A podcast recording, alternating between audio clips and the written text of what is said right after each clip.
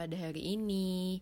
Nah, jadi um, sebelum kita mulai nih podcastnya, alangkah baiknya kayaknya kenalan dulu ya. Oke, kenalin. Aku, Eta dari Psikologi UNS bersama teman aku ada Nisa juga nih. Kita sama-sama dari Psikologi UNS. Halo semuanya, aku Nisa. Iya bener banget. Kita berdua dari Psikologi 2019.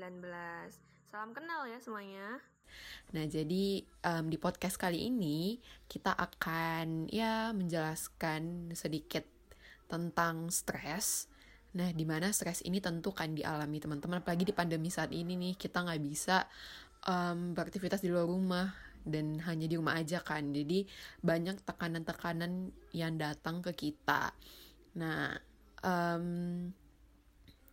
semoga podcast kita ini dapat bermanfaat bagi teman-teman semua dan makasih banget ya udah mau dengerin podcast kita. Kita dari tim Berani Melangkah um, membuat podcast ini khusus untuk teman-teman semua. Yeay. Oke deh. Kita langsung mulai aja ya. Tapi kayaknya awalnya kita um, basa-basi dulu dikit boleh deh gitu.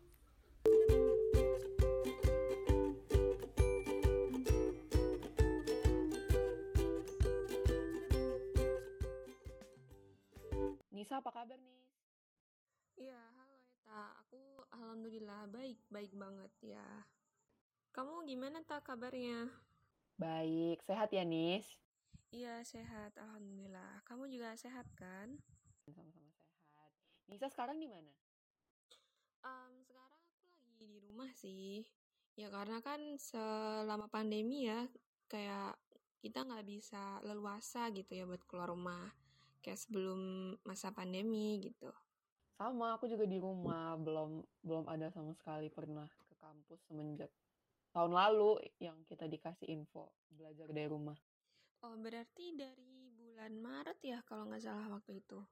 Iya, Maret tahun lalu belum ada sama sekali. Wah, iya sih. Ya udah lama banget sih. Dari setahun yang lalu ya berarti.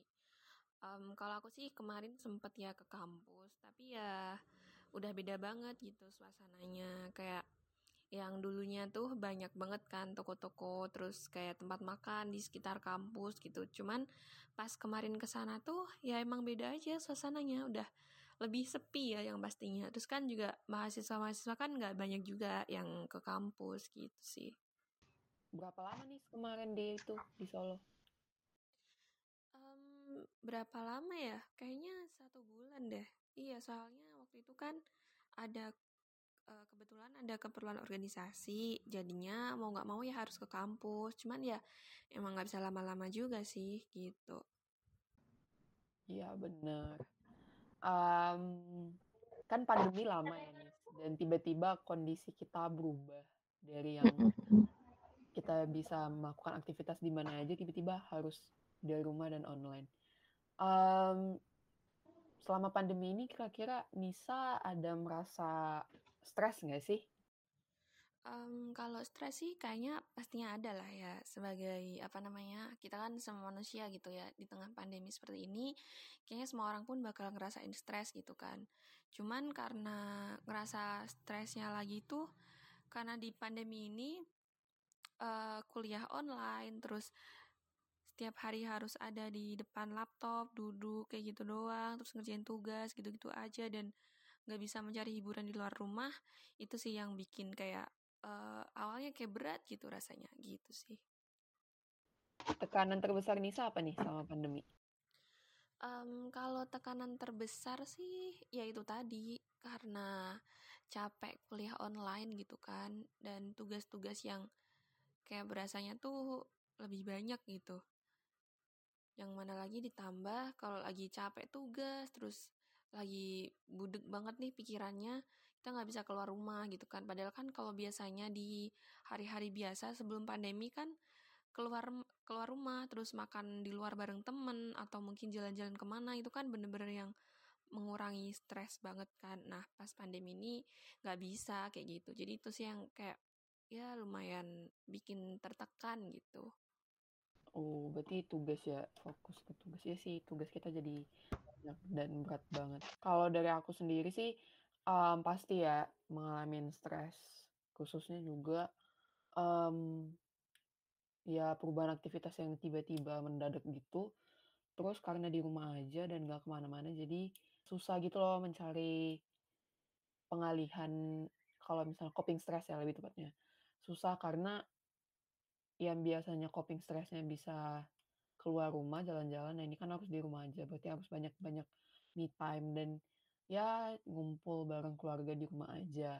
Kalau tekanan terbesarnya sih mungkin lebih ke, mmm, tugas-tugas juga dan ini kali ya, karena di rumah jadi kan rame dan khususnya kalau aku kan, mmm, lebih suka sendiri ya. Jadi karena di rumah rame, terus banyak hal yang terjadi jadi, mmm Ya itu sih, kita jadinya tahu gitu loh semua yang terjadi di rumah. Jadi cukup menambah beban juga untuk diri aku sendiri.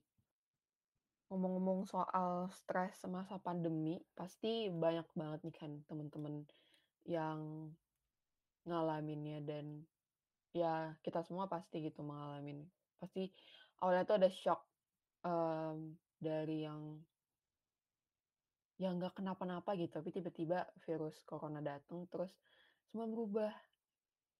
Nah, mmm, kayaknya kita langsung masuk aja nih, Nis, ke materi. Apa sih itu stres?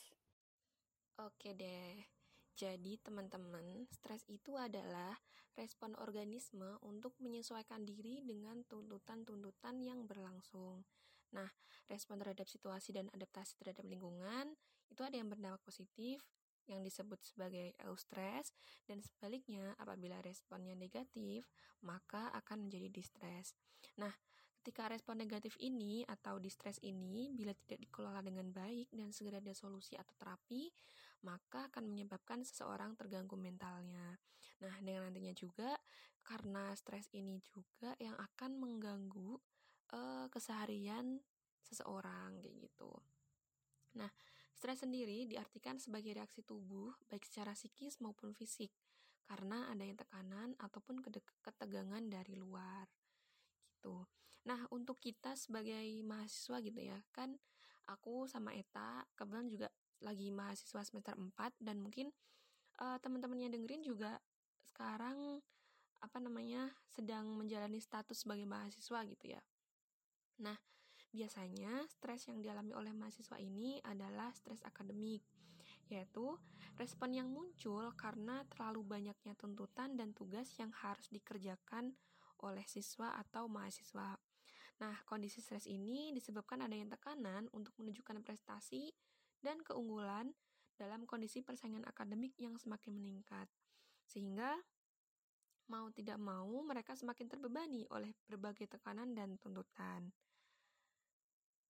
Nah, terutama ya teman-teman karena di masa pandemi seperti ini, sepertinya uh, stres yang dialami itu tidak hanya stres akademik, akan tetapi juga disebabkan oleh adanya pandemi.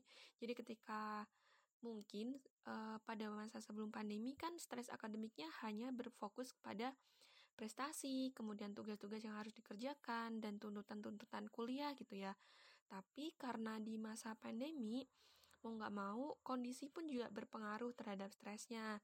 Jadi ketika sudah pusing tuh memikirkan uh, tugas kemudian prestasi kuliah kayak gitu tapi masih ditambah juga yang biasanya seperti tadi yang Eta bilang yang bisa buat coping stress keluar jalan-jalan itu nggak bisa kan karena pandemi.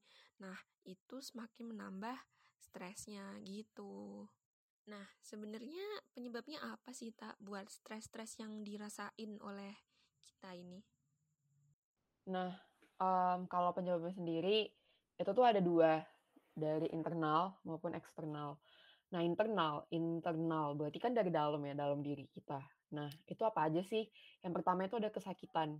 Jadi kesakitan itu di mana si stres ini, tingkatan stres ini tuh muncul tergantung pada keadaan rasa sakit dan umur si individu. Nah, internal yang kedua, ini ada penilaian dari kekuatan motivasional yang melawan. Nah, bila seseorang mengalami konflik. Jadi, konflik itu kan merupakan sumber stres yang utama kan. Nah, jadi um, penyebab internalnya itu bisa gimana cara dan kekuatan dari dalam diri seseorang itu untuk melawan si konflik ini. Nah, lalu ada nih seorang tokoh yang namanya Kurt Lewin, di mana beliau mengatakan bahwa kekuatan motivasional yang melawan dan menyeba akan menyebabkan dua kecenderungan yang berlawanan, yaitu pendekatan dan juga penghindaran ke stresnya itu. Nah, itu dari internal. Sekarang dari eksternal. Eksternal berarti dari luar, dari luar diri kita. Nah, itu bisa dari keluarga, bisa dari, mmm, keluarga itu kayak Heeh, interaksinya, mungkin juga ada konflik dan perselisihan di dalam keluarga, terus, eee, mungkin karena pandemi juga, jadi ada beberapa keluarga yang mengalami masalah keuangan ya. Nah, itu bisa jadi sumber tres stres juga. Nah, mmm, selain itu juga, ada juga nih kayak dari pekerjaan, kayak mahasiswa kan contohnya dari tugas ya, bisa jadi kayak tugasnya tiba-tiba Berubah, terus tiba-tiba jadi banyak banget, jadi numpuk karena kayak dosen mikir, "Kayaknya kan di rumah aja, mending dikasih tugas banyak-banyak," gitu.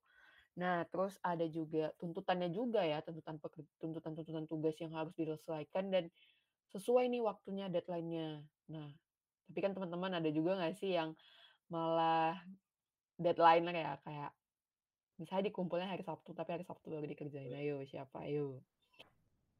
Nah, terus ada juga, mmm Dari lingkungan ya, lingkungan yang sekitar kita misalnya ada kebisingan, ada suhu suhu juga mempengaruhi, terus kesesakan, juga angin dan badai, itu bisa menjadi stresor gitu bagi kita, mmm, terkena stres selama masa pandemi ini khususnya, karena di rumah juga kan. Nah, mmm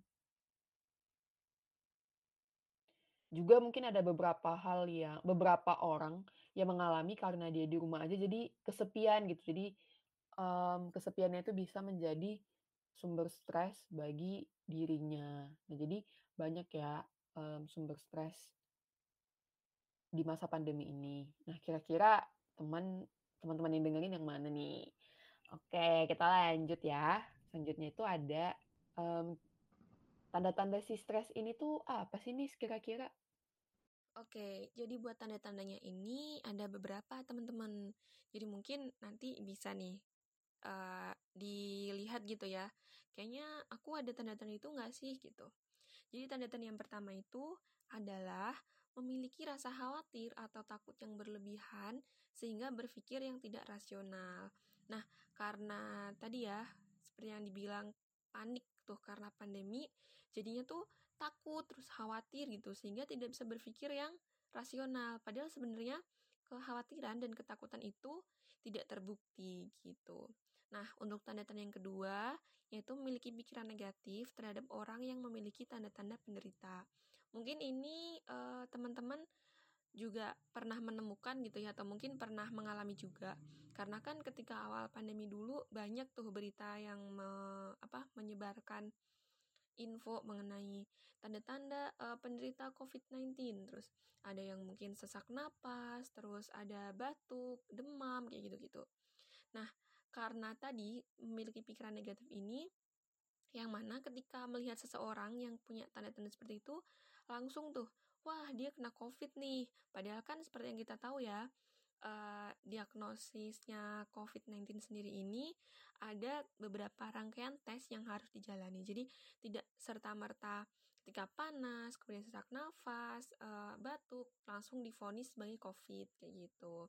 Nah, untuk tanda-tanda yang ketiga yaitu ada uh, mencari berita mengenai COVID-19 yang berlebihan sehingga tidak dapat memilah berita mana yang akurat dan dapat memunculkan kecemasan sehingga membuat seseorang mengalami sulit tidur.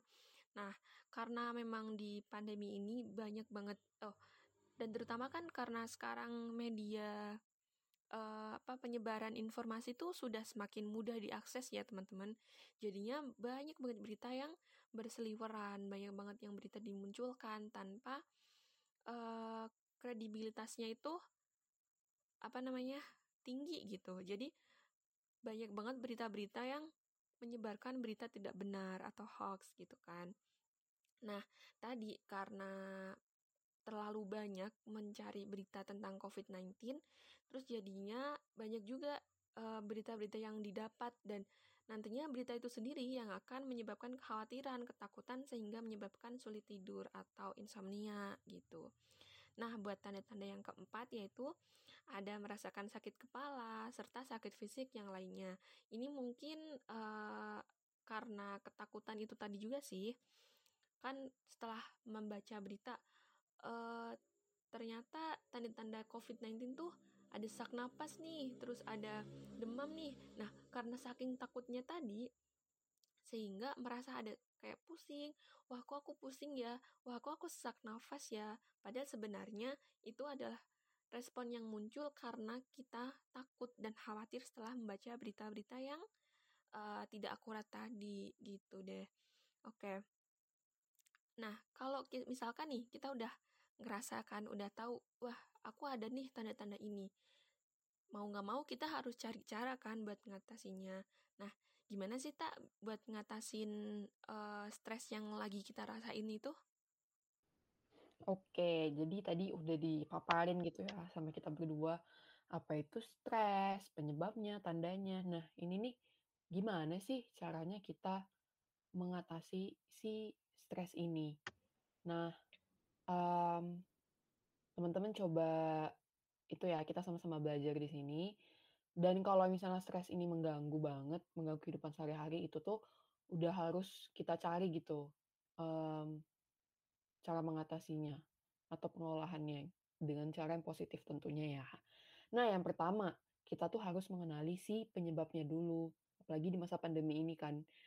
Jadi kita harus tahu gitu akar dari si stres ini tuh apa. Kalau udah kita tahu, jadi kita gampang untuk mengatasi si stres ini. Apalagi um, di masa pandemi ini yang tadi juga udah dibilang Nisa kan, um, ada berita-berita yang bisa menjadi stresor untuk um, kita sendiri gitu karena banyaknya berita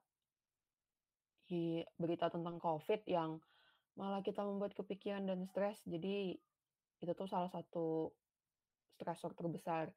Nah, kita harus tahu, harus memilah-milah informasi mana yang bisa kita ambil dan mana yang nggak kita bisa ambil.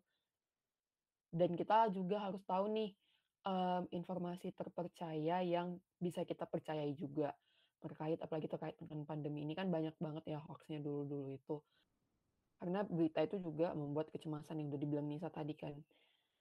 Dan bisa menjadi pemicu stres. Nah, yang kedua itu kita bisa mulai mengendalikan si stresnya karena kita udah tahu penyebabnya, kita kendalikan nih stresnya. Jadi um, tadi kan juga udah dibilang Nisa ya, um, stres itu tuh ada dua, di mana di stres yang itu arahnya lebih ke negatif, sedangkan eustress yang itu lebih positif. Nah, jadi kalau misalnya kita punya pengendalian yang bagus, yang baik, nah si stres-stres itu tuh bisa kita alihkan ke positif menjadi eustress. Jadi dia arahnya lebih positif dan ke kitanya juga dampaknya kan lebih positif. Nah, lalu yang ketiga itu ada mengatasi stres atau cop stress coping atau coping stress. Nah, ini tuh um, lebih ke hal-hal apa sih yang harus kita lakukan untuk meng menghilangkan si stres ini. Karena stres ini bisa mempengaruhi kondisi fisik, mental, dan emosi, maka kita penting nih untuk mengetahui kegiatan-kegiatan apa yang harus kita lakukan untuk uh, mempengaruhi ketiga komponen itu tuh agar um, stres kita tuh tidak berkembang ke arah yang negatif.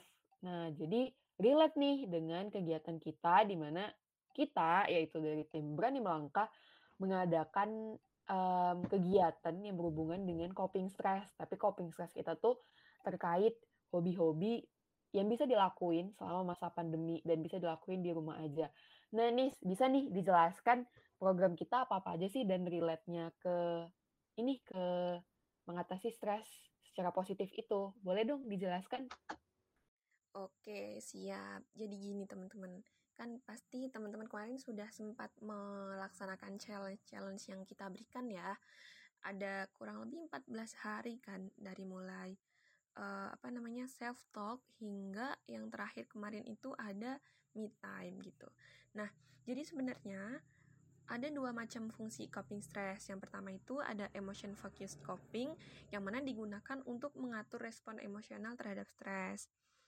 Nah, ini tuh pengaturannya biasanya uh, melalui perilaku individu seperti penggunaan obat penenang, kemudian bagaimana meniadakan faktor-faktor yang tidak menyenangkan, lalu uh, bagaimana proses seorang individu itu mengubah stressful yang akan uh, yang dengan cara mengatur emosinya.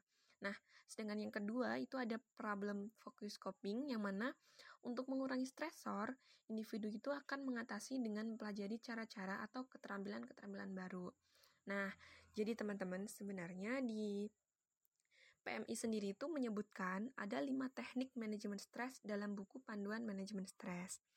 Nah, teknik yang pertama sendiri yaitu ada mengenal diri sendiri.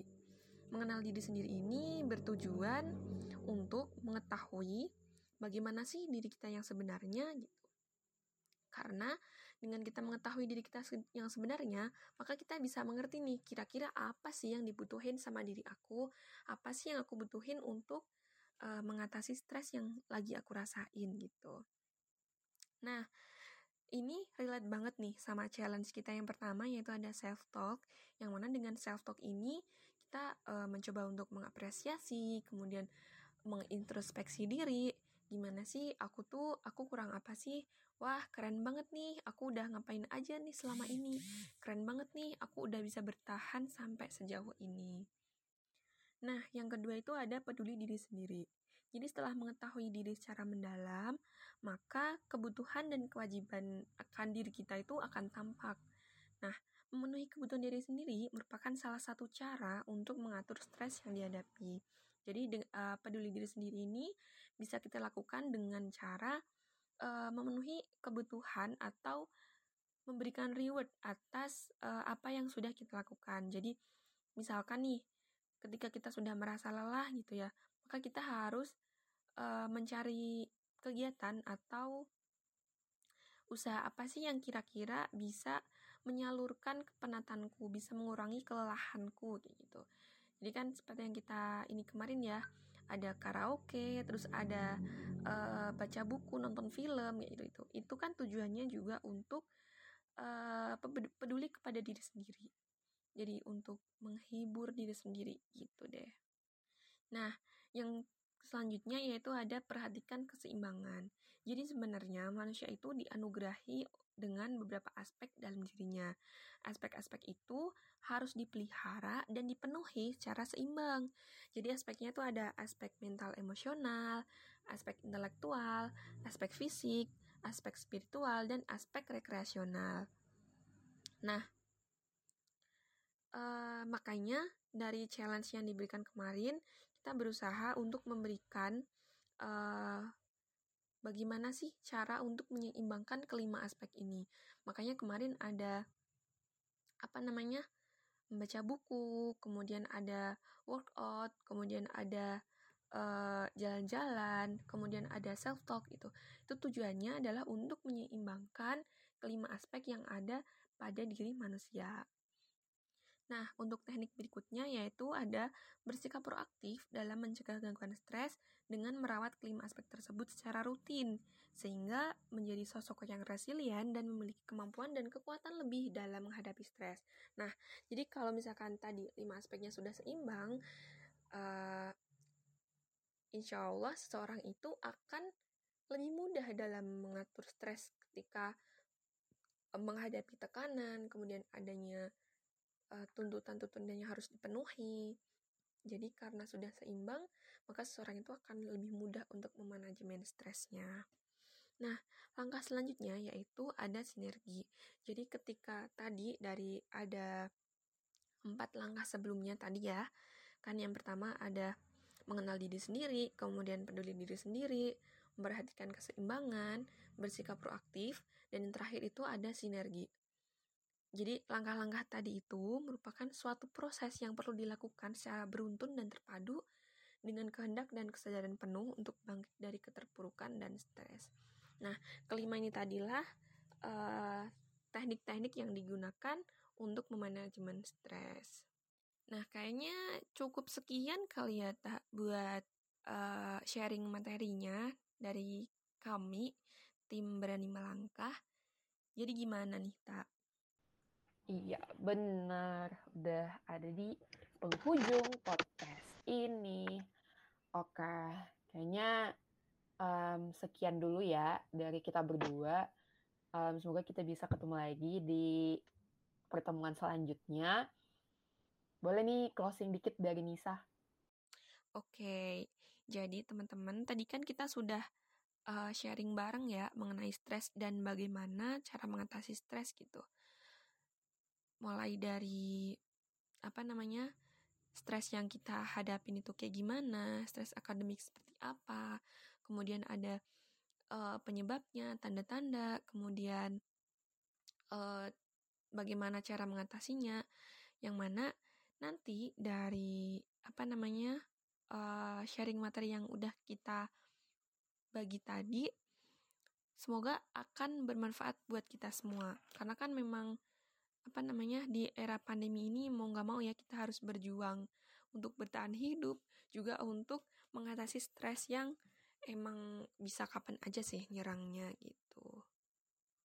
Oke, bener udah disimpulin juga sama Nisa um, kayaknya sekian dulu ya podcast dari kita. Semoga um, kita semua sehat selalu dan terhindar dari virus corona di mana pun teman-teman berada. Tetap jaga kesehatan. Nah, iya benar banget. Jadi meskipun sekarang kita sudah uh, sedikit diberi keleluasaan gitu ya untuk beraktivitas di luar rumah, tapi tetap jangan lupa untuk selalu mematuhi protokol kesehatan, memakai masker, mencuci tangan, dan menjauhi kerumunan. Yes, benar sekali. Oke deh, sekian dari kami berdua. Sampai ketemu lagi. Bye-bye. Dadah, bye.